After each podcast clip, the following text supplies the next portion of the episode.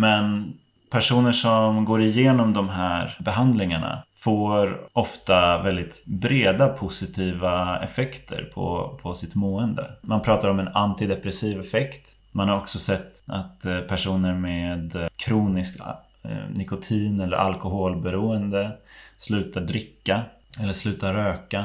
Man har sett positiva resultat vid bland annat OCD och ångest i livets slutskede. Och med MDMA som ju har gått igenom ett, ett separat forskningsspår kan man säga så ser man väldigt goda resultat för eh, PTSD hos mm. personer där eh, ingen annan eh, metod har hjälpt. Så det är en, en blandning mellan terapi och farmakologi som när den används rätt kan leda till ihållande förändringar i livet. Mm.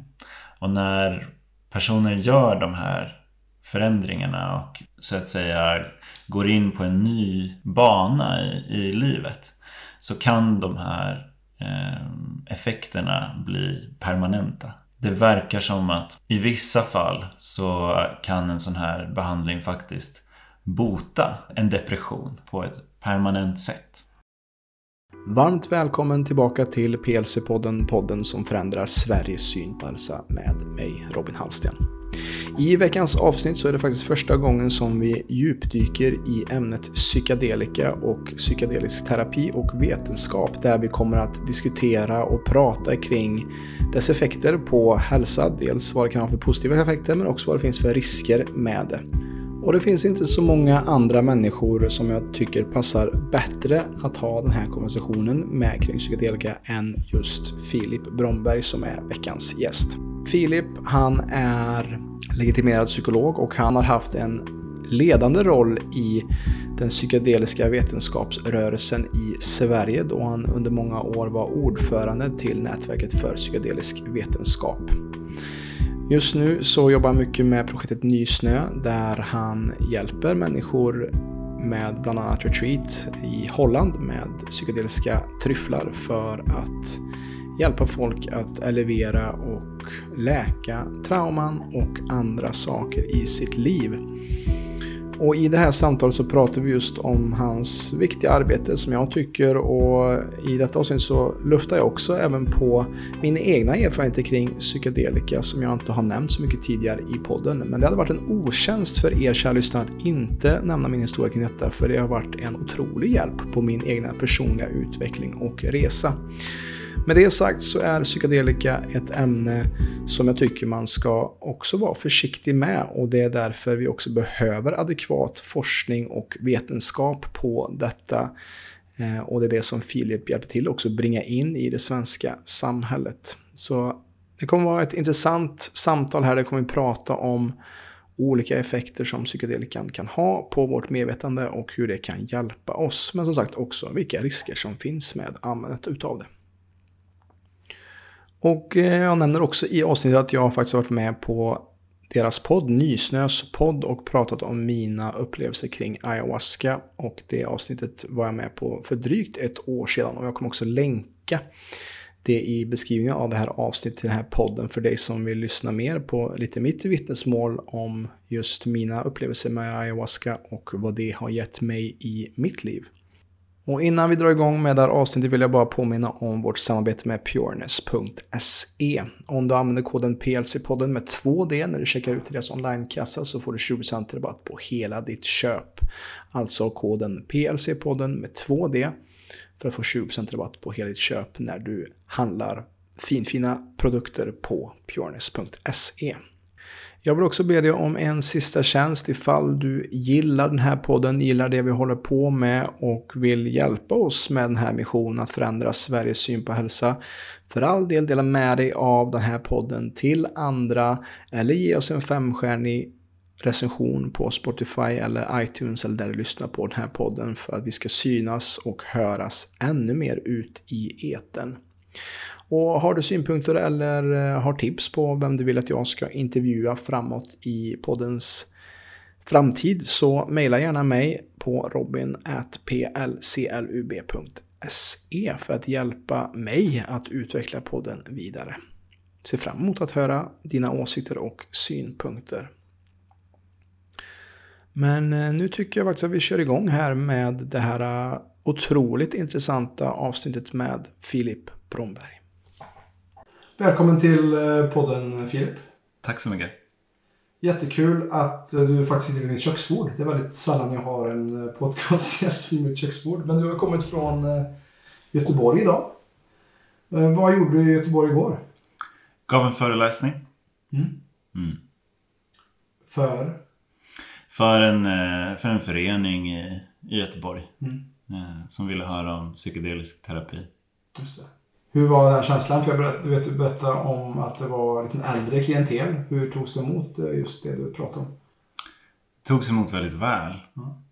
De var jättenyfikna. Mm. Jag tycker det är kul att för, föreläsa också för att träffa personer som inte känner till någonting om, om ämnet. Mm. Annars så lever jag lite i en, i en bubbla där väldigt många personer är intresserade och insatta kring, kring psykedelika. Mm. Så det känns fint att få komma ut ur den bubblan lite grann. Mm.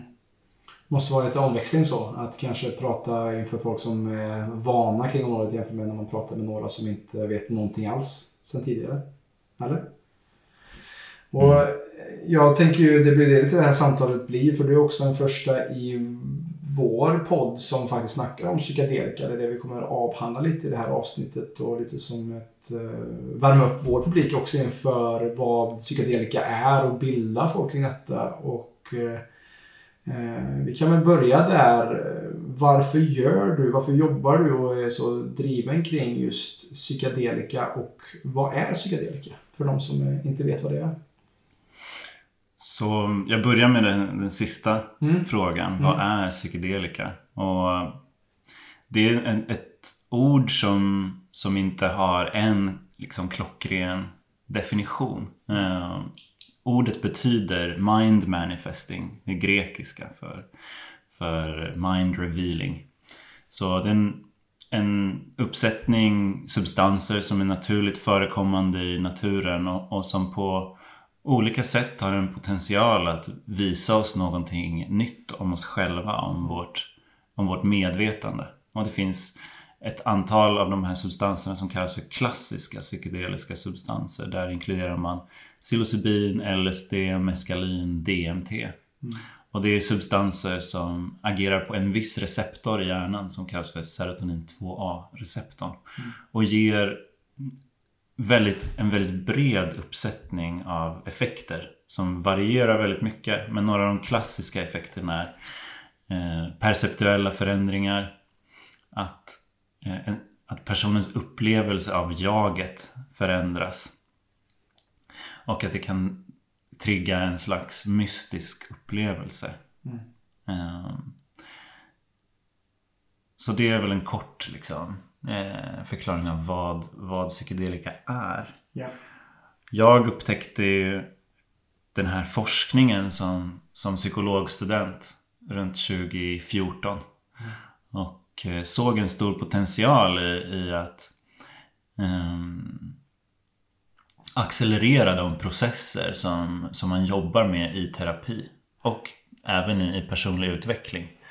Um, och få resultat eh, snabbare och eh, att kunna hjälpa personer som, som inte får hjälp av traditionella metoder. Mm.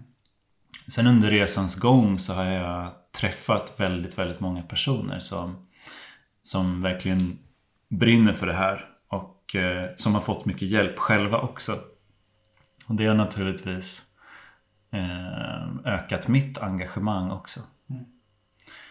Och sen som en sista del i det här svaret så kan jag ju nämna att jag också längs med resan har haft mina egna upplevelser som har varit väldigt hjälpsamma för mig. Mm. Så jag har inte bara tagit del av forskningen och, och, blivit inspirerad av alla de framsteg som sker där utan jag har också observerat vad som händer i mitt eget liv när jag, när jag ger mig hän på, på olika sätt. Och, släpper taget om kontroll och, och, antaganden som jag har haft om världen. Mm. Ja, det, jag tycker det är så intressant för att jag, ditt namn har ju varit i mitt medvetande i många år för att jag hörde dig tror jag först på Hur kan vi? podden med Navid Modiri och eh, var också, jag kommer ihåg väldigt så här uh, imponerad över att, att våga stå för någonting som är lite i skymundan, lite som är tabu, som är på gränslandet mellan vad som är eller mycket utav det, psykedelika är ju också olagligt eh, i, i Sverige i nuläget. Ehm, så att det känns väldigt fint att, att få ta del av det som du har delat i många år faktiskt. Och att du nu sitter vid mitt köksbord för att jag sa det till dig också innan där vi började spela in här att det har varit också en stor otjänst till alla de som lyssnar och de som jag jobbar med, klienter och medlemmar.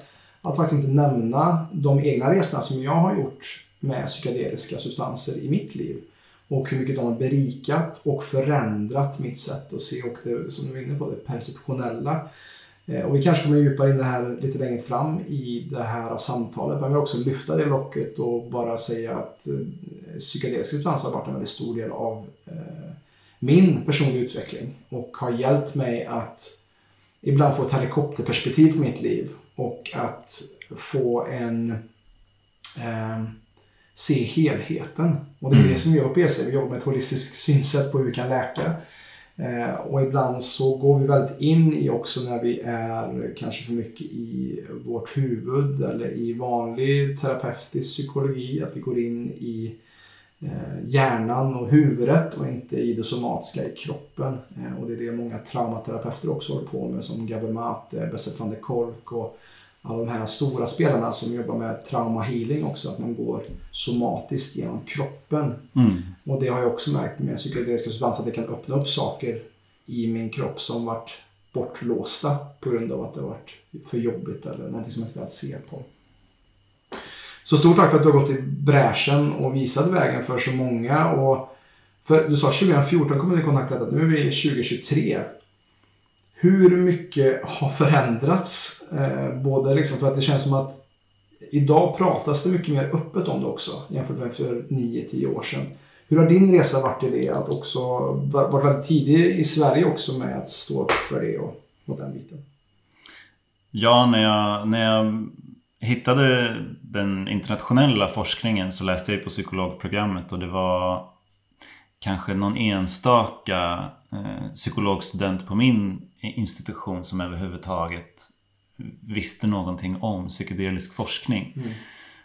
Och eh, jag minns att både lärare och studenter tyckte jag var ganska konstig när jag, när jag pratade om de här eh, forskningsresultaten. Mm. Sen hittade jag andra studenter och, och forskare på, på andra universitet via, via Facebook. Mm. Som, eh, som också var intresserade. Och det, då öppnades det en ny, en ny värld för mig. Mm. Eh, men det här var någonting väldigt eh, okänt. Och eh, vi var också väldigt försiktiga, kommer jag ihåg. Och oroliga för vad det här skulle kunna innebära för våra framtida karriärer. Eh, när vi bildade föreningen Nätverket för psykedelisk vetenskap så hade vi aldrig hört någon säga termen psykedelisk vetenskap på mm. svenska. Vi visste att på engelska så säger man psychedelic science men vi kunde inte riktigt bestämma oss vad vi skulle kalla det på svenska. Vi hade inte språket för det. Mm. Men vi, vi beslutade oss i alla fall för att köra en, en direktöversättning. Um, sen så var det ju ingen som vågade vara ordförande i den här föreningen. För att då måste man, kan man inte vara anonym. Nej. Vi hade anonyma styrelseprotokoll. Eh, jag vågade inte vara ordförande första året utan det var en, en, eh, en god vän till mig som heter Hampus som eh, var den enda som inte hade en läkarkarriär eller psykologkarriär att vara rädd för. Han fick vara ordförande första året. Mm. Men sen andra året så var jag tillräckligt modig mm. för att bli ordförande. Ehm, men det var, så det, det var mycket hysch-hysch i, i början. Sen så har det blivit tydligt för mig hur, vilken otrolig fördel som det kan vara att, att, att vara först. Mm. Um, att, det, att det är folk som hör av sig till mig. Mm. Uh, och vill prata om de här sakerna. Så jag, har, jag har fått mycket gratis på det sättet i form av nätverk till exempel. Så för mig personligen, även fast det, jag, jag vet att det finns ett stigma som, eh, som skadar folk. Så för mig så har det... Jag, jag har inte haft något problem med, Mm. eh, med stigma. Nej. Mm. Jag tänker också så här, när man håller något som är tabu så blir man också som, som säger att då blir du magneten för allt. För att det finns, vart ska man vända sig om det inte finns någon? Och sen så är det någon som står där med ljus och lykta och bara Hej hej! Att det, och, det, och det krävs ju, det är det som är höjden av mod ju. Det är ju att möta sin rädsla men göra det ändå. Eh, Så vad var det som gjorde att du faktiskt mötte, tog modet och faktiskt tog tag i ordförandeposten där det året efter det på psykedeliska nätverket? Jag hade så mycket, så många idéer om olika Mm. saker som jag ville göra. Mm. Och för att jag var så passionerad av att ha träffat människor från, från allra första början som, som, liksom, ja, men som tackade mig och som sa att det är helt fantastiskt att det här existerar. Mm. Och, ehm, så det gav ju en, en motivation och en nyfikenhet kring hur skulle, vad skulle det här kunna växa till. Det, det kändes som att det helt enkelt gick så pass bra. Mm. Vi fick en mycket stor tillströmning av medlemmar. Det var, vi fick kontakt med fler och fler forskare på olika institutioner i Sverige. Så det var att jag, jag såg väldigt konkreta resultat och Mm. framsteg. Det här var också i eh, en, ett skede i, i, i, med sociala media då man kunde få väldigt stor spridning på att dela saker och, och Det var innan algoritmerna... Alltså det här är också den, det här är ju också den perioden när jag blev, när jag blev totalt Facebook-beroende. Okej. Eh, så eh, social media har verkligen drivit på Mm. eh, mitt intresse kan man säga. Jag kommer ihåg hur jag liksom eh, hade stenkoll på hur mycket reach olika inlägg fick. Och det Ja. blev för mig som ett slags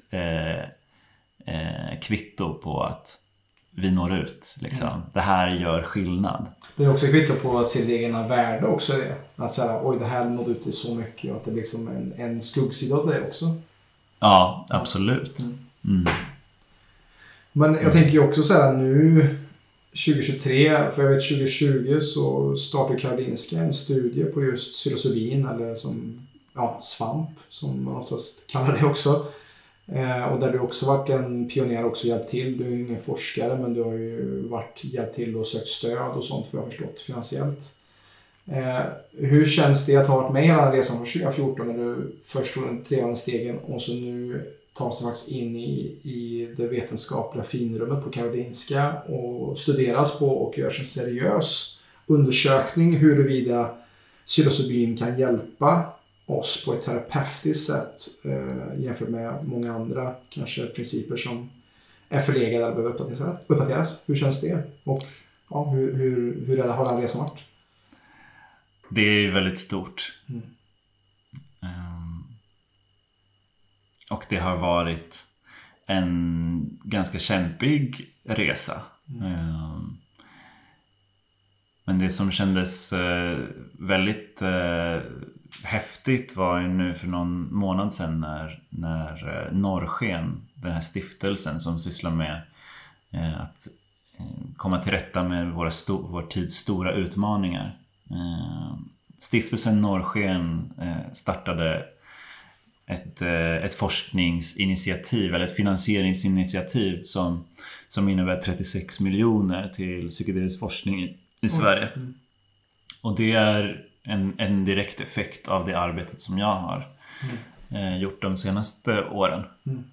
Eh, och ja, det känns som att eh, en, jag, jag tror att i mitt jobb så har jag ofta haft en, en oro kring hur ska det bli när jag eh, har byggt upp, byggt upp det här men lämnar över. Mm. Eh, jag har haft mycket, jag har mycket oro och skuld kring att lämna ifrån mig Mm. Saker för att jag har ett sånt kontrollbehov. Men eh, och det som kändes så stort med det här var att jag fick se att okej, okay, men det, det flyger. Eh, utan mig. Mm. Eh, och ja, jag har gjort mitt. Det känns verkligen så. Och inte bara att stiftelsen Norrsken går in med så mycket privata pengar men sedan studien på Karolinska så är också Vetenskapsrådet gått in med över 20 miljoner kronor till, Wow. till psykedelisk forskning. Mm.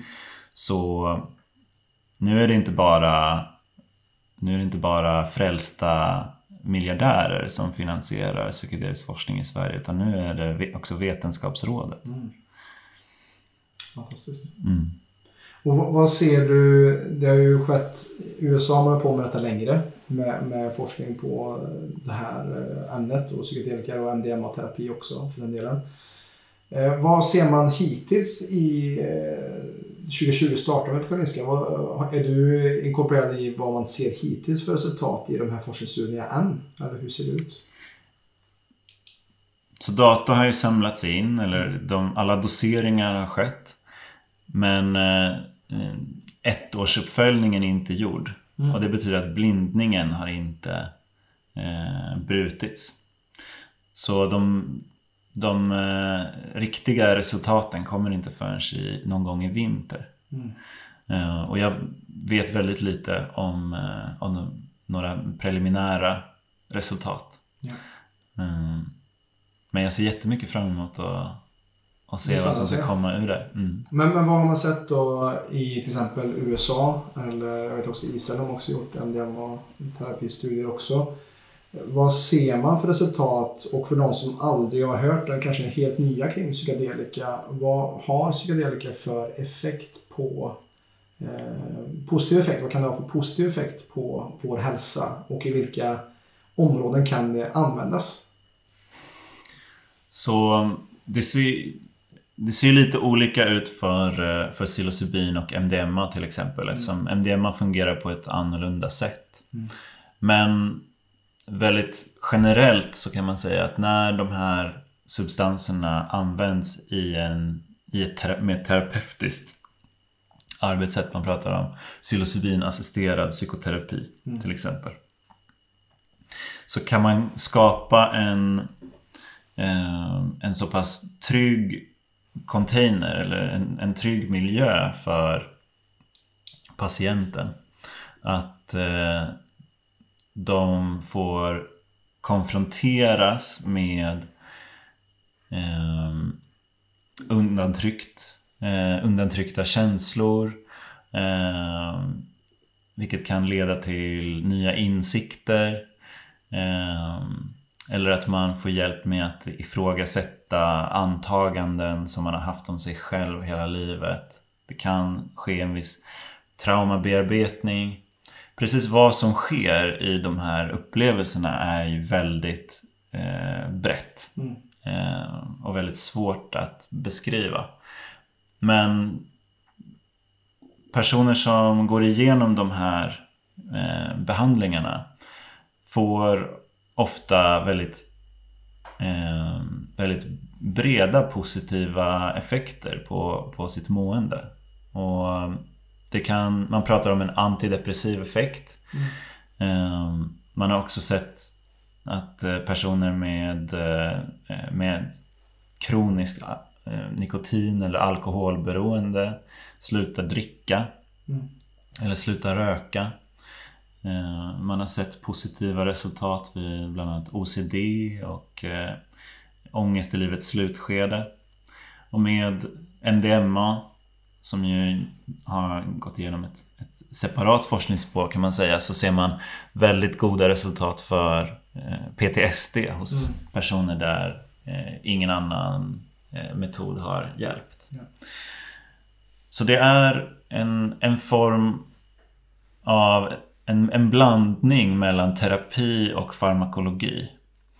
Eh, som när den används rätt kan leda till ihållande eh, förändringar i livet. Mm. Och när personer gör de här förändringarna och, och så att säga går in på en ny bana i, i livet så kan de här effekterna bli permanenta.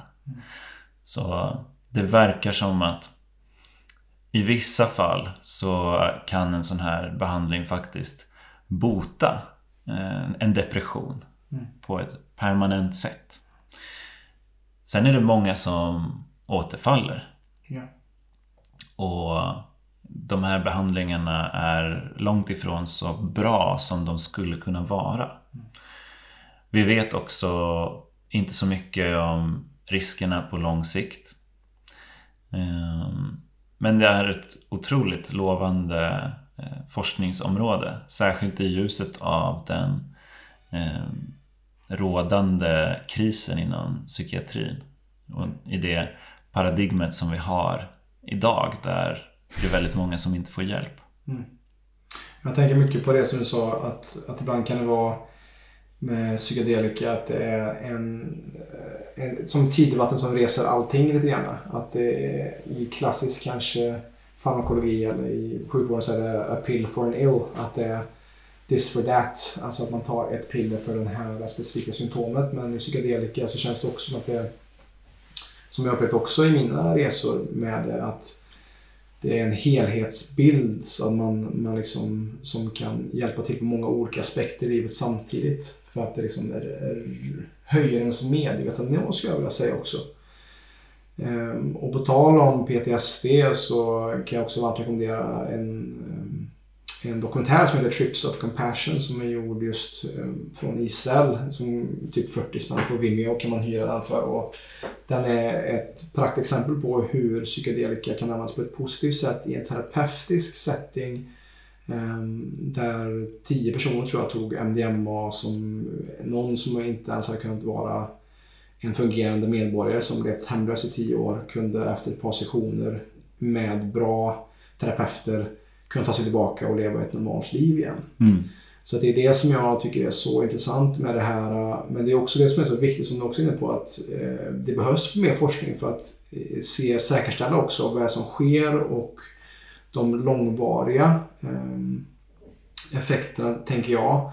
Och på samma sätt är också som man ofta snackar om i psykedelisk terapi just set and setting.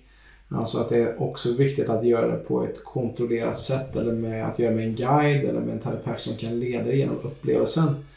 Ehm, För annars kan det också ske saker som kanske är svåra att hantera. Eller, Mm. Kan du prata lite om också vad det finns risker med just psykedelika eller psilocybin eller alla de här formerna som är kanske nya för folk att höra? Absolut. Så jag gillar att, att se på de här substanserna som eh, man kan kalla det för generella förstärkare. Eh, att de förstärker de processer som finns i oss. Mm. Eh, jag tror också att vår kropp och vårt system har en naturlig läkekraft. Precis som att, vi, att vår kropp läker våra egna sår. Mm. Läkare läker inte sår. Kroppen läker sår. Och på samma sätt så, eller jag tror att en psykedelisk substans under rätt förhållanden kan frigöra kroppens läkande kraft. Ja. Eh, när den har blivit blockerad av någon anledning. Ehm, men för att kunna läka så, så måste vi också komma i kontakt med, med all den smärtan.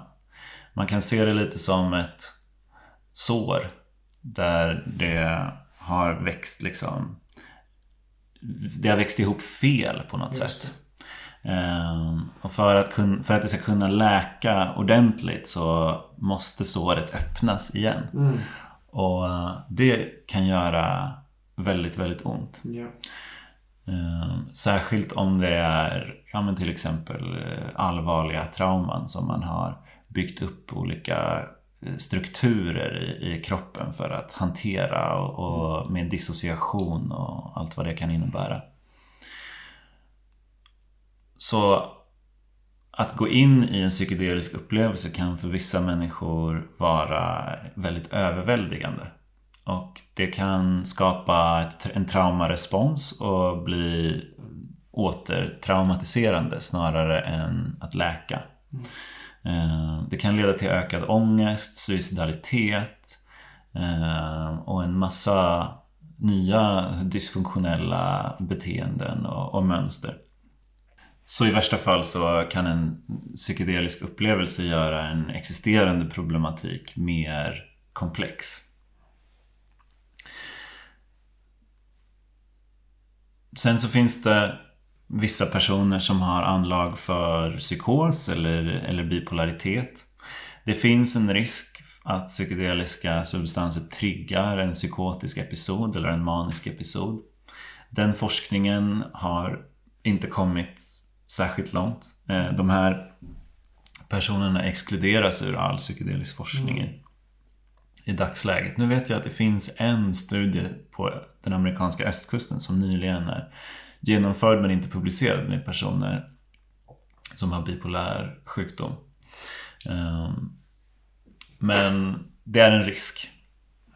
Och, eh, så personer som har en sårbarhet antingen i form av trauma eller kanske hög ångest eller anknytningsproblematik bör vara väldigt försiktiga med, eh, med de här upplevelserna. Precis som personer med ärftlighet för psykos eller bipolaritet. Mm. Jag skulle säga sen att alla personer behöver vara försiktiga med psykedeliska substanser eftersom det kan leda till en period av eh, instabilitet efteråt där det kan bli svårt att eh, klara av sin tillvaro. Särskilt om man har en tillvaro som var ohållbar redan mm. innan. Mm. Vilket många av oss har. eh, psykedeliska substanser konfronterar oss på ett ganska hårt sätt mm. med de aspekterna av våra liv som inte är hälsosamma. Mm. Eh, så att ge sig in på den här resan är en, är en risk. Eh, det är ofta det kan vara det, det första lilla steget på en, på en lång resa av eh, självutforskande och eh, självkännedom. Mm. Så man, om man kommer in med förväntan om att alla problemen ska vara lösta efter eh, en heroisk dos svamp. Så... Eh, Lycka till. ja, kan det sluta illa. Ja. Mm. Men jag tänker det är så vi möter också i vårt jobb som coach i PLC. Att jag brukar säga att vi kan ge alla verktyg, alla, alla svar som vi kan eller guidning. Men det gäller att alltid för klienten eller medlemmen att möta oss halvvägs. Och det psykedelika är inget som man ska outsourca alla sina svar på livet till. Eh, och som jag ser också att, som precis som i allt annat, det, det finns inte någonting som är bra för alla. Utan det, man behöver se över sig själv, vad behöver jag faktiskt? Och, eh, jag tänker också lite som du, det du var inne på här med att du också kan rota upp mycket saker och rota upp trauman. Och jag vet av person personer i min närhet som haft till exempel blockerade minnen från övergrepp eller sådana bitar. att Kroppen är ju smart och kapslar också in våra trauman tills vi är redo att packa upp dem och kolla på dem. Precis som vi har kanske ont i en axel så lägger sig farsan dag efter dag över det här och till slut kanske blir en stor knuta. Och där vi har smärtan. Och det är som du säger, det kan göra ont när vi väl börjar nysta upp de här eh, både fysiska knutorna men också de traumatiska emotionella knutorna. Eh, så därför gäller det också att träda med eh, försiktighet och inte bara kasta sig in i någonting utan också vara medveten kring vad det är man ger sig in på faktiskt. Att det, man ska också vara försiktig eh, med, med det. Som du säger, det finns risker och att det är därför också viktigt att vi har en vetenskaplig studie på det nu, att det kommer mer och mer framåt mm. åt det hållet tänker jag. Men jag tycker det är så intressant att följa det och precis som du säger, hur kan vi få folk att komma tillbaka till sin naturliga läkning? Som IVO PLC snackar om sex grundprinciper. Det är sömn, det är andning, det är kost, träning men även work-in, alltså meditation och avslappning, eh, vätskeintag och vårt tankesätt. De här sex sakerna brukar vi säga att det är 95% av där dina grundorsaker ligger till din sjukdom. Så kan vi komma till rätta med de sakerna så kan vi komma till rätta med många andra saker också. Och ofta så sker ju läkning kanske först, i första lagret i vår mer externa eller med, vår fysiska. När vi är mer i balans i det fysiska då kan vi gå djupare in på våra trauman och mentala saker skulle jag vilja säga. Eller det emotionella lagret. Hej kära lyssnare! Om du precis hörde det som jag sa här, just det jobbet vi gör på PLC med att stärka dig med de sex grundprinciperna till bättre sömn, mindre stress, komma ner i vikt, ökad förbränning och mer energi generellt i livet. Det är kanske saker som du har försökt klara på egen hand men kanske inte riktigt lyckats med. Och det är just därför vi finns som aktör på marknaden inom hälsosvängen, den holistiska hälsosvängen. Det finns väldigt få som gör det vi gör och gör det så bra som vi gör. Vi har en komplett plattform online, en app där vi har samlat allting under ett och samma tak. Och om du vill kan du kika in vår app. Det finns ett par gratisfunktioner i den som du kan bara ladda ner och kika på. Vi erbjuder även mer personlig hjälp, stöttning och coaching för dig som verkligen behöver ett handfast lag från oss för att hålla dig ansvarig för din läkande resa mot bättre hälsa. Och är du intresserad av våra tjänster så kika in för all del på vår hemsida www.plclub.se för att läsa mer om hur vi kan hjälpa dig med dina hälsobekymmer. Klicka på länkarna i beskrivningen av det här avsnittet för att kolla mer in på detta. Um, och här tänker jag också, eh, det är ju intressant för att du är också engagerad i Nysnö. Du är engagerad i många olika eh, saker inom de här eh, psykedeliska nätverken som jag förstår. Och där är ju Nysnö ett av de projekten. Eh, och där har jag faktiskt varit med och bidragit också. Jag blev intervjuad av Peder i den podden Min Resa, Nysnö. Jag kommer länka den i det här beskrivna avsnittet. Där berättade jag öppenhjärtigt ungefär en halvtimme om mina resor med ayahuasca. Som är en sydamerikansk eh, urinvånar, vad ska man säga det, plantmedicin. Eh, som har gett mig otroligt mycket och som har också varit otroligt utmanande. Och för det är just det Nysnö håller på med också, med att öka just medvetenheten och få ut just andra människors vittnesmål om psykedelika och vad det faktiskt har betytt i deras liv. Och jag har absolut inte varit samma människa utan psykedelika och då menar jag på ett positivt sätt. Mm.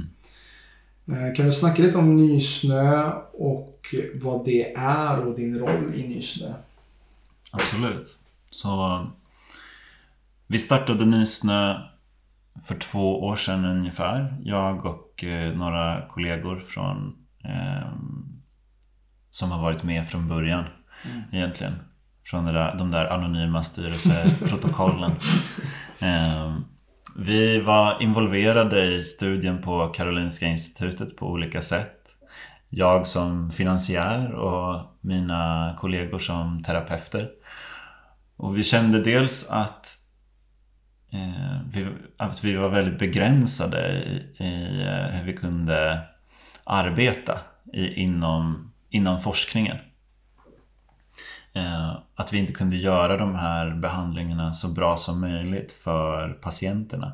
Mm. På grund av just att det är forskning och allt ska mätas och det ska ta blodtryck en gång i halvtimmen och det ska ske i en källare på ett sjukhus. Mm. Så, eh, vi såg att det fanns stor förbättringspotential.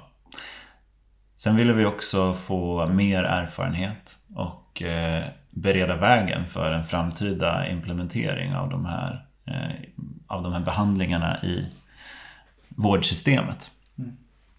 Så vi startade Nysnö som, eh, som är ett kunskapsbolag och utbildningsbolag som också driver psykedeliska retreatprogram. Så vi arbetar med eh, retreats i Holland och där då psykedeliska tryfflar är lagliga.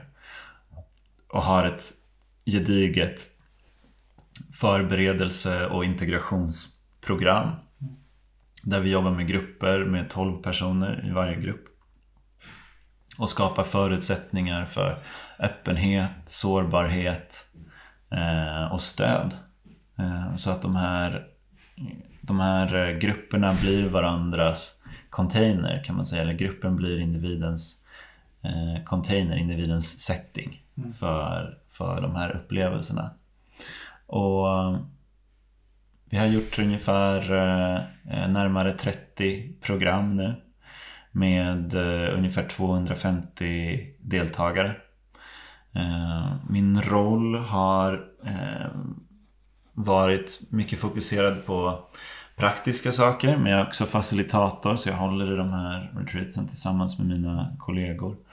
Och har utvecklat ett musikaliskt narrativ för, för de här upplevelserna. Så under sessionerna så sitter jag vanligtvis och väljer musiken mm. som ska spelas under sessionerna. Vilket är en stor passion för mig. Jag är en gammal DJ och, och musiknörd. Så att här hittade jag oväntat eh, det bästa mm. DJ-gigget i hela världen.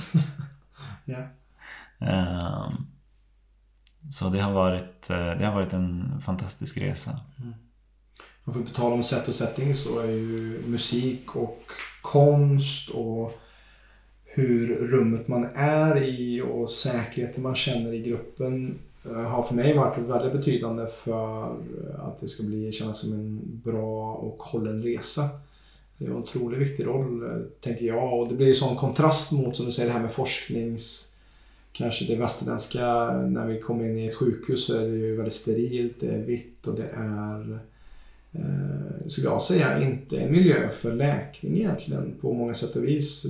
Vi, vi människor behöver också bli stimulerade på ett mm. positivt sätt. Och vi är här på Kroppefjäll nu där jag bor också. Där eh, hade man ett sanatorium där de byggde just sanatoriet för att läka tuberkulossjuka och då byggde man det på natur, kultur, vila och mat. Det var de fyra grundpelarna för att läka. Eh, och man la det här uppe i, på lite högre upp och lite utanför samhället för att man skulle ge, kunna ge kropp, kroppen möjlighet att komma till en mer naturlig rytm här uppe. Mm. Och det är någonting som jag ser i den moderna samhället att vi har tappat bort mycket. Att det är avskalat, steriliserat och vi ska hacka upp allting istället för att se vad är faktiskt som en helhet, vad mår människan bra av i, när vi är friska också, inte bara när vi är sjuka. Ja, och där, där ser jag ett stort problem med vad som håller på att hända med den psykedeliska forskningen när den mm. blir en del av samhället. Är att vi har fortfarande det här fokuset på, på individer och ser psykisk ohälsa som någonting som finns inuti mm. eh, individer. Mm. Men eh, vi är ju flockdjur. Vi är sociala människor och, och en, alla våra problem finns också reflekterade och manifesterade i våra relationer mm. och i den sociala kontexten som vi lever i. Um, så jag tror att det kan vara i många fall oetiskt att ge en stark psykedelisk upplevelse till en deprimerad person som inte har en eh, funktionell kontext att återgå till. För att det är verkligen eh, att rigga för, eh, för nederlag. Mm. För att en, en, en person som har haft en jättestor psykedelisk upplevelse som mår fantastiskt efteråt mm. eh, kommer att komma tillbaka till en väldigt dyster vardag och, och det blir verkligen en... Som är anledningen till att man var med, med första början. precis, och där allting är precis som det alltid har varit och där alla förväntar sig också att man ska mm. vara precis mm. som man alltid har mm. varit. Um, så det är någonting som vi jobbar mycket med i, i Nysnö där vi faktiskt har grupper Eh, mm. Där, eh, okay, efter programmet så åker man tillbaka till sin gamla miljö men eh, det finns åtminstone en, en grupp med människor mm. som man känner sig förhoppningsvis delaktig i och som man, kan, som man kan dela sina utmaningar med och som man kan öva på nya färdigheter med. Mm. För att få mera ihållande förändring. Jag tänker ju, ett ord som kommer till mig är kassan, alltså känsla av samhörighet. Det är något som jag tror är viktigt för allas mentala hälsa och det är någonting som vi idag också glömmer bort. Att vi har gått väldigt vilse i materialismen skulle jag säga och På tal om det här med miljö så är det intressant att se till exempel eh, de, eh, på Vietnamkriget på den tiden så var det många amerikanska soldater som var, blev heroinister när de var i Vietnam för att det var ganska tuff miljö och man använde drogerna för att fly. När de bytte miljö och kom tillbaka hem så de flesta de slutade tvärt för att de kom tillbaka till en annan miljö. Medan i samhället idag så har vi tvärtom med folk som är beroende och på rehabilitering och blir vita eller rena. Men sen så när de är klara där så kommer de tillbaka till sin gamla miljö med sina gamla kompisar som kanske också knarkar och håller på. Vilket gör att det blir bara eh, kontraproduktivt mm. att vi behöver en, kanske en helt ny miljö efter vi kommer tillbaka från en sån här. Och att det är väldigt hjälpsamt att ha en integrativ process efteråt där man följer upp. För att det ser också psykedelika kan vara en stor flykt mm. för väldigt många. Att man månad efter månad går på ett ayahuasca-retreat eller man tar svamp eller vad det kan vara. Istället för att faktiskt kanske ta en gång per år kanske. Eller en gång vartannat år. För att se, okej okay, vad har jag att lära mig mm. nu? Vad behöver jag integrera? Vad behöver jag jobba med? Och sen så Precis. har man med sig den resan. Och kanske skriver, mediterar över prata med en terapeut eller psykolog som kan hjälpa en att reda ut det istället för att man hoppar in i nästa Ja, en, en psykedelisk upplevelse kan ju absolut vara en del av ett undvikande mönster. Mm. Om jag kanske, ja men om jag lever ett, ett eh, liv som jag verkligen inte är nöjd med. Mm.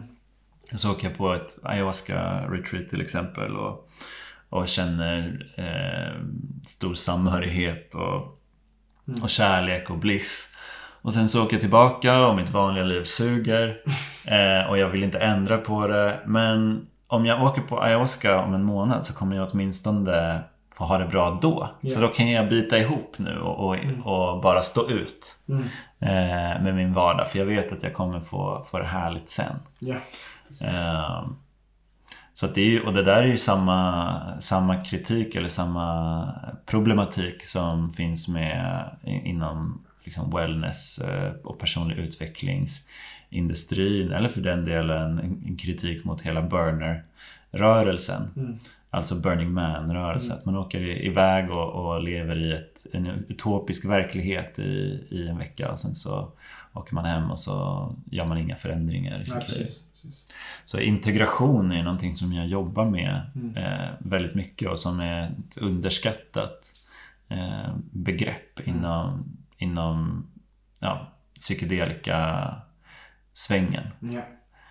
Ehm, att faktiskt göra konkreta förändringar mm. Eh, i sin vardag efter, mm. i linje med vad som är viktigt i livet som man kanske har förstått i, i samband med en psykedelisk upplevelse. Du har gjort 30 resor nu med 250 deltagare som du sa. Du har själv också haft upplevelser med psykedelika. Vad ser du för mönster när det kommer, om vi snackar om integration? Vad är viktiga saker att inkludera när det kommer till att integrera en psykedelisk terapeutisk upplevelse? Bra fråga. Mm. Det är också en väldigt individuell process mm. som ser ja, olika ut beroende på vad eh, personer har för behov, vad de har för färdigheter, vad det finns för resurser. Um, men eh, några sådana där eh, vad ska man säga, käpphästar som jag brukar komma med är ju att eh, eh, ta hjälp av personer runt omkring. Mm. Om du vill göra en förändring så prata med närstående om den här förändringen. Sätt intentioner mm. och håll dig själv accountable. Ansvarig. Ansvarig, mm. precis. Um, försök att göra små förändringar som är, som är hållbara över tid. Jag såg att du hade 1% metoden liggandes i, i mm. bilen. Mm. Det är en bok som jag brukar rekommendera. Mm. Um, att tillbringa tid i naturen mm. är otroligt hjälpsamt för många. Um, att ge sig själv tid uh, för att tid och plats för nya insikter. Att att komma. Att göra nya saker tror jag är jätteviktigt. Att ha nya upplevelser. Att, jag vet inte, pröva på att spela ett eh, instrument eller eh, eller börja på någon ny aktivitet. Träffa nya människor, få nya perspektiv. Är, väldigt viktigt. Ehm, ja, Mm. att eh, komma i kontakt. Ja, Mm. för många tror jag att det är viktigt att komma i kontakt mera med kroppen. Mm. Hitta någon form av, eh, av kroppsligt uttryck. Eh, vare sig det är liksom dans eller eh, yoga eller att sp- springa eller vad som helst som involverar kroppen. Mm. Ehm, ja, jag tror att det är ett generellt problem i vårt samhälle att vi har för dålig kon- kontakt med, med kroppen. Eh, och det är mycket av, av eh, integrationen som sker också där. Det handlar inte bara om att gå och prata med en, en terapeut utan icke-verbala eh, upplevelser. Mm. Jag skulle vilja lägga till också meditation och det kanske du sa också men också att eh, kultivera närvaro. Mm. Mindfulness. Att vara närvarande i allting som vi gör så gott vi kan. Eh, för det är oftast det sker en disconnect som skapar trauman eller våra problem eller depression. Det är när vi inte är i kontakt med vår sanna essens och vår egna inre ryggrad eller mittpunkt skulle jag säga. Så att det, och också reflektion som du var inne på också där och kanske skriva eh, är någonting som jag själv försöker göra. Tystnad eh, någonting som jag nog nämner i varje poddavsnitt tror jag är den stora läkaren. Den, alltså, eh, där är ju sömnen också såklart. Sömn och återhämtning och tystnad. Att stanna upp. Um, otroligt viktigt för att saker ska kunna landa. Alltså, ljud kan vi inte veta i förhållande till vart vi har det om vi inte har tystnad emellan. Mm. Eh, så tystnad är väldigt viktigt för att kunna skapa integration. Och som nu, nu går vi in i en höst och vinterperiod som oftast många kan bli deprimerade i för att vi kanske väntas av samhället att ha samma tempo igenom när vi egentligen borde kanske sakta ner och reflektera över året och skörda och eh, reflektera över vad som vi har lärt oss och så vidare. Ehm, vi är också nyfiken, eh, Filip, på... Du har ändå haft 250 människor på de här retreaten. Vad, jag är intresserad på vad får ni för feedback, generell feedback eh, från de här, eftersom ni ändå gjort 30 så är det ändå ehm, betydelse på att ni gör någonting rätt och att så folk kommer tillbaka på grund av att ni förmodligen gör någonting bra. så vad är det för feedback du ofta får höra från retreatdeltagare som kommer med er till Holland eh, som tar de här psykedeliska tryfflorna och gör de här resorna och har dig som DJ? um. Ehm, hmm. De vanligaste eh, typerna av feedback som jag får är positiva. Mm. Och de handlar ofta om gruppen. Eh, våra deltagare säger Jag hade aldrig kunnat föreställa mig att gruppen skulle vara så viktig. Mm. Eh, eller jag har aldrig varit en del av en så, så fin och härlig grupp med människor. Så där jag känner en sån stark tillhörighet. Eftersom du nämner musiken så ska jag väl säga att de brukar vara ganska mindblown av musiken. Mm. Eh, vilket jag inte ska ta åt mig all äran för. Men en del. Eh, att, få, att få lyssna till fin musik un- under en eh, psykedelisk resa är stort för att den, det tillståndet ger en annan uppskattning och en annan möjlighet att ta in och känna musik. Mm. En annan eh, vanlig feedback är av typen att jag hade aldrig kunnat göra det här på, på egen hand. Eh, att, eh, att, jag menar att, att tryggheten är, är väldigt viktig. Mm. Eh, så är det många som, som känner eh, en, eh, en, en längtan tillbaka efteråt. Eh, som eh, det kanske är vanligt med en liksom, viss, viss mån av sorg. Att livet inte är mera eh, som ett psykedeliskt retreat efteråt. Vilket förhoppningsvis ger en, ger en motivation till förändring också. Um, ja. Men ofta känner jag ju i de eh, situationer som jag använder psykedelika att det ger kan ge en försmak på hur min framtid kan vara om jag gör det som jag får till mig i de här meditationerna som jag gör med eller att det kan ge mig en, en väg framåt som man kanske inte sett tidigare för man inte haft de verktygen eller de, det öppna sinnet för det, tänker jag. Eh, att det kan ge en liten eh, vägvisare, ser jag det som. Alltså att eh, man också kan se svamp eller ayahuasca som också en intelligent varelse i sig eller som ett väsen eller energetiskt eller andligt om man vill gå in i den aspekten och den filosofin också. Mm. Men mm. den kan inte hålla dig på vägen. Nej, den är otroligt viktig. Vi måste, mm. vi måste växa upp och ta vårt eget ansvar över våra egna liv och det är precis det som vi snackade om i PLC. Första avsnittet hette Ta tillbaka din egna inre aktivitet. Vi kan få, precis, vi kan få en hjälpande hand under en viss period, en kort period, för att få nycklarna till att, vad vi ska ta för steg för att överkomma våra rädslor eller komma utanför vår komfortzon. Så det är en jätteviktig poäng du är inne på där.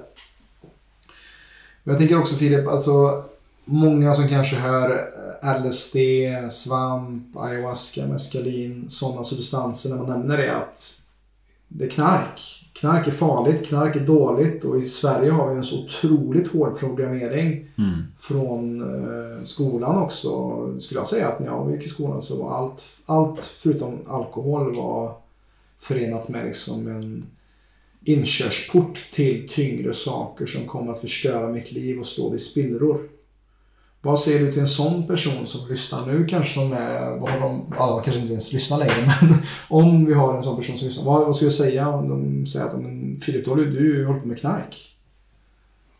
Ja, eh, jag skulle säga att alla substanser, lagliga eller olagliga, har sina eh, terapeutiska möjligheter mm. och sina risker. Och det gäller såväl för paracetamol som eh, tobak, mm. eh, som kokain eller, eh, eller alkohol eller psykedeliska svampar. Mm.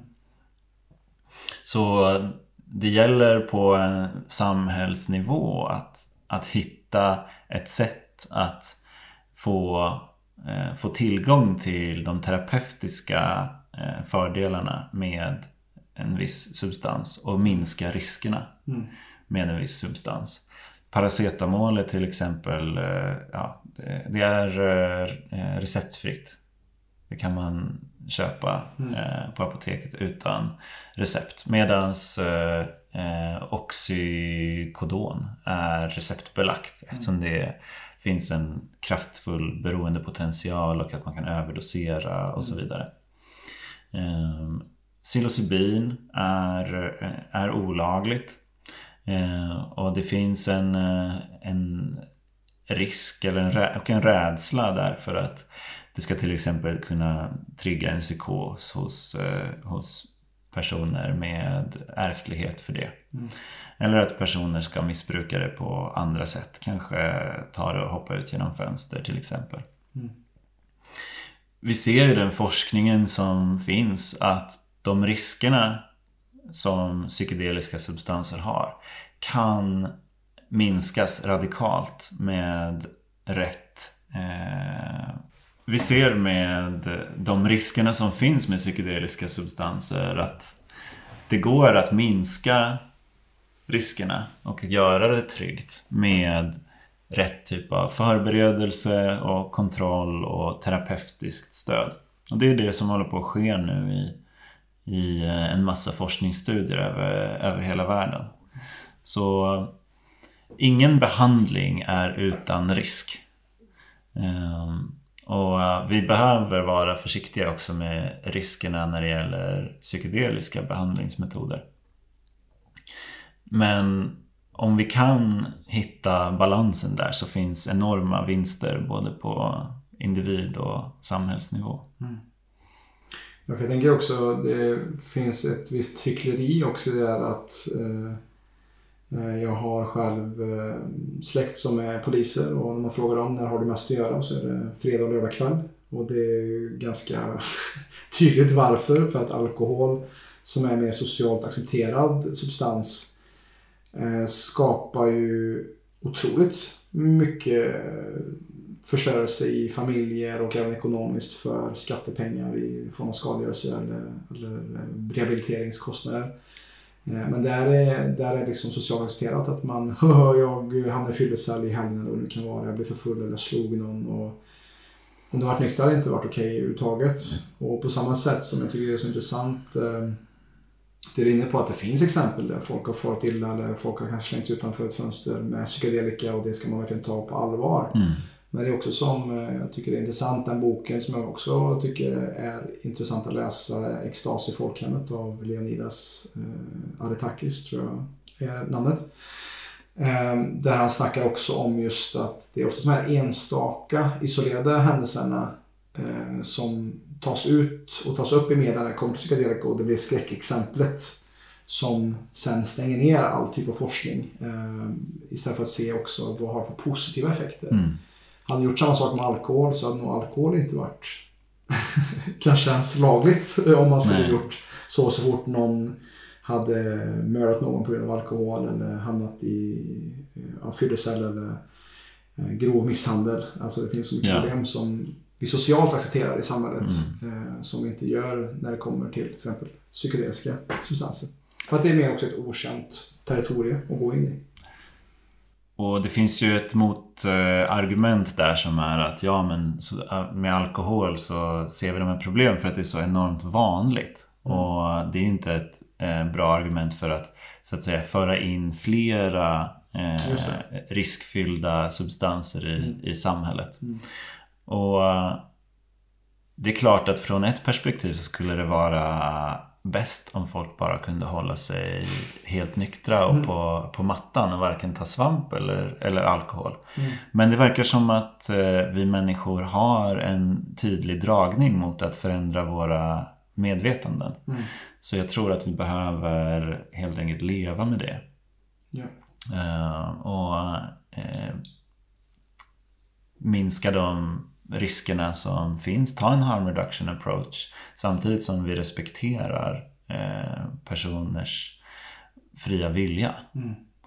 Um, det är också värt att nämna att i de stora epidemiologiska studierna som har gjorts där man har kollat på till exempel den amerikanska National Institute of uh, Mental Health, Health som, är, som gör årliga undersökningar om folks uh, hälsovanor.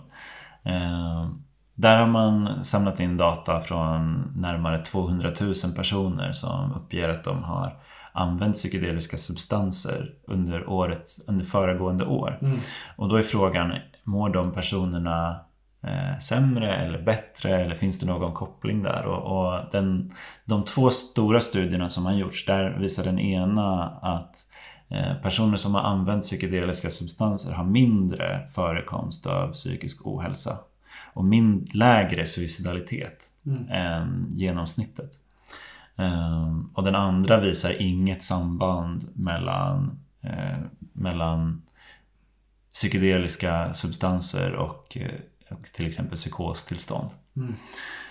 Så vi kan inte, utifrån den forskningen så kan vi inte säga att eh, eh personer som trippar definitivt kommer att må bättre. Man kan inte dra några kausala slutsatser från, den, från de studierna. Men det man definitivt kan säga är att om det skulle varit så att psykedeliska substanser gjorde att folk blev galna eller suicidala eller fick ökad ångest så skulle det synas i den här forskningen. Mm. Ja, och jag kan ju bara tala för min egen erfarenhet, vad jag har varit med om. För jag har inte kollat supermycket på forskning så som du har eh, gjort, men psykedeliska substanser har också gjort att jag lever ett nyktrare liv.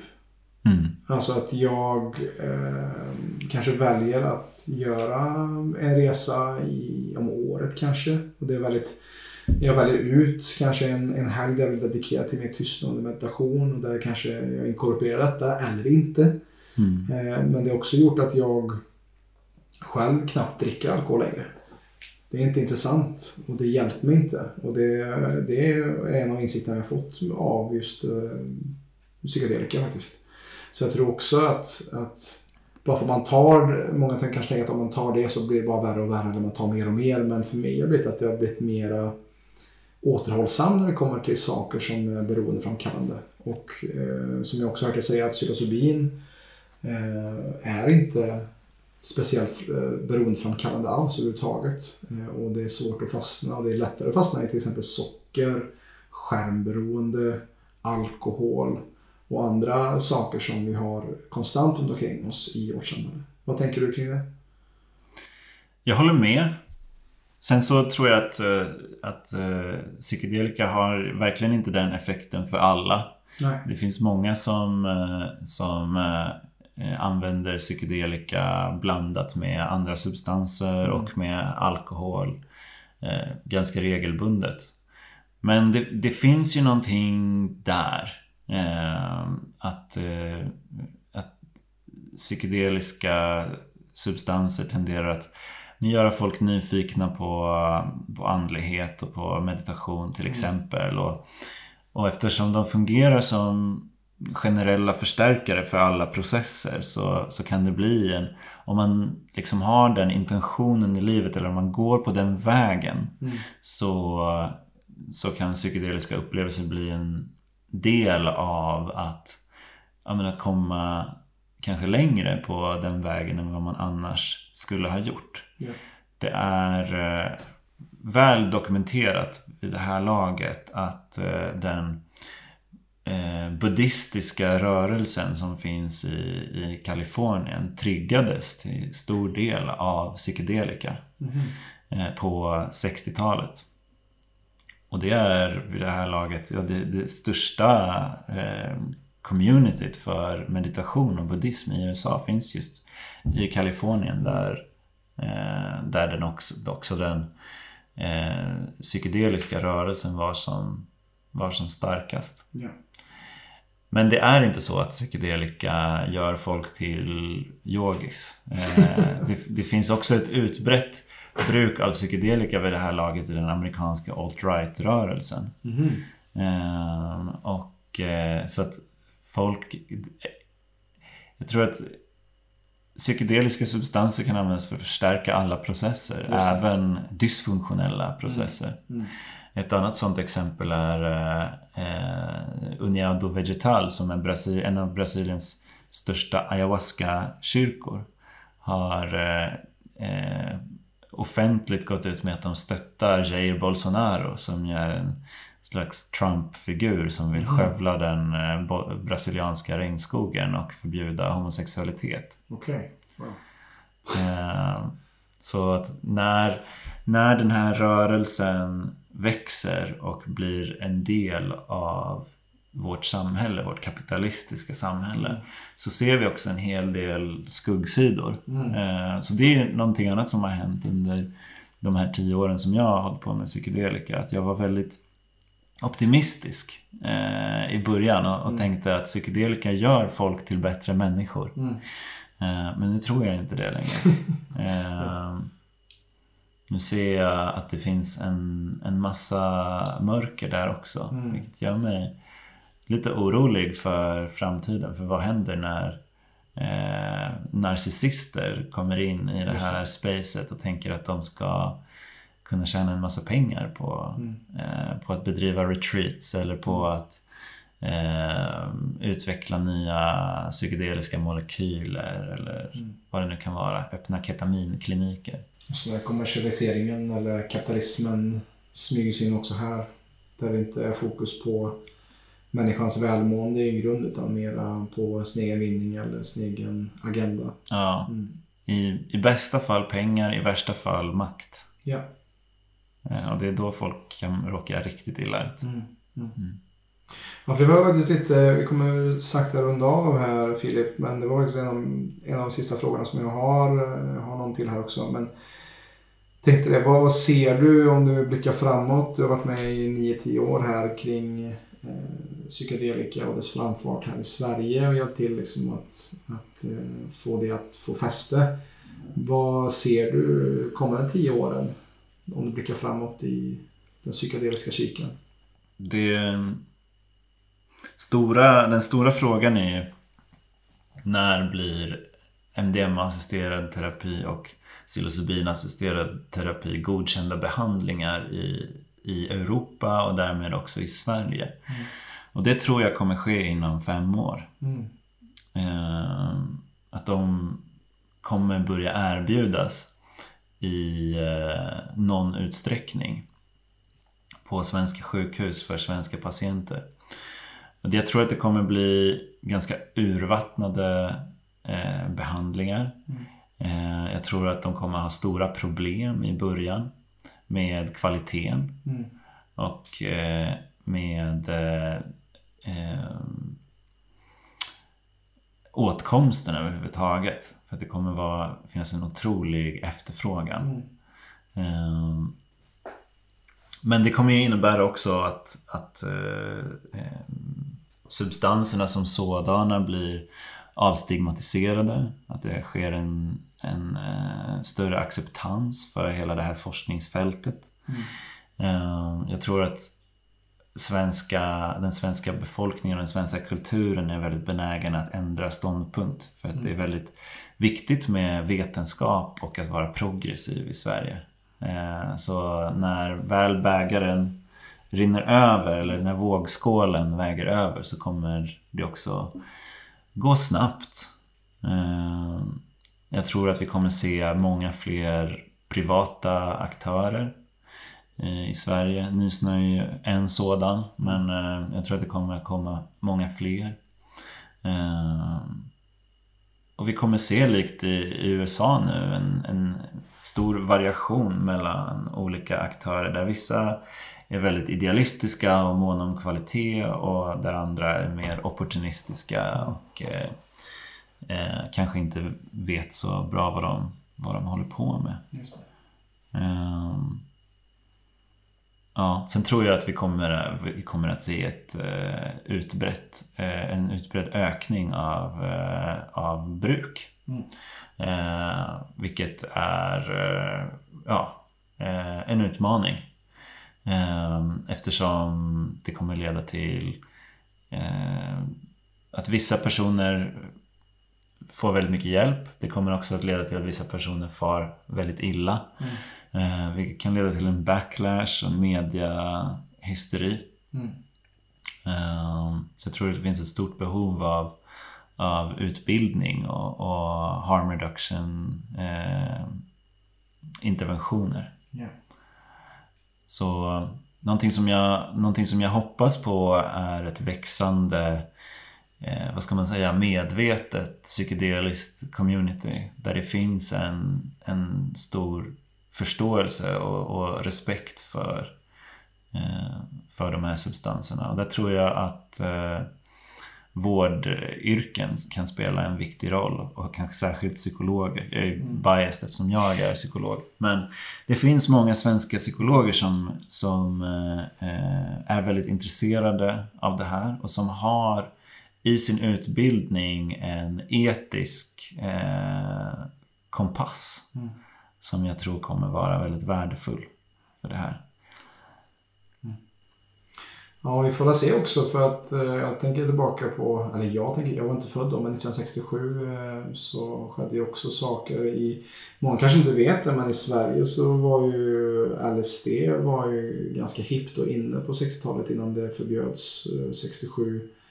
Eh, och där också till exempel de amerikanska CIA och myndigheter i Sverige var faktiskt de som hade som hade hand om LSD eh, och sen spred det till eh, också svenska folket faktiskt också. Mm.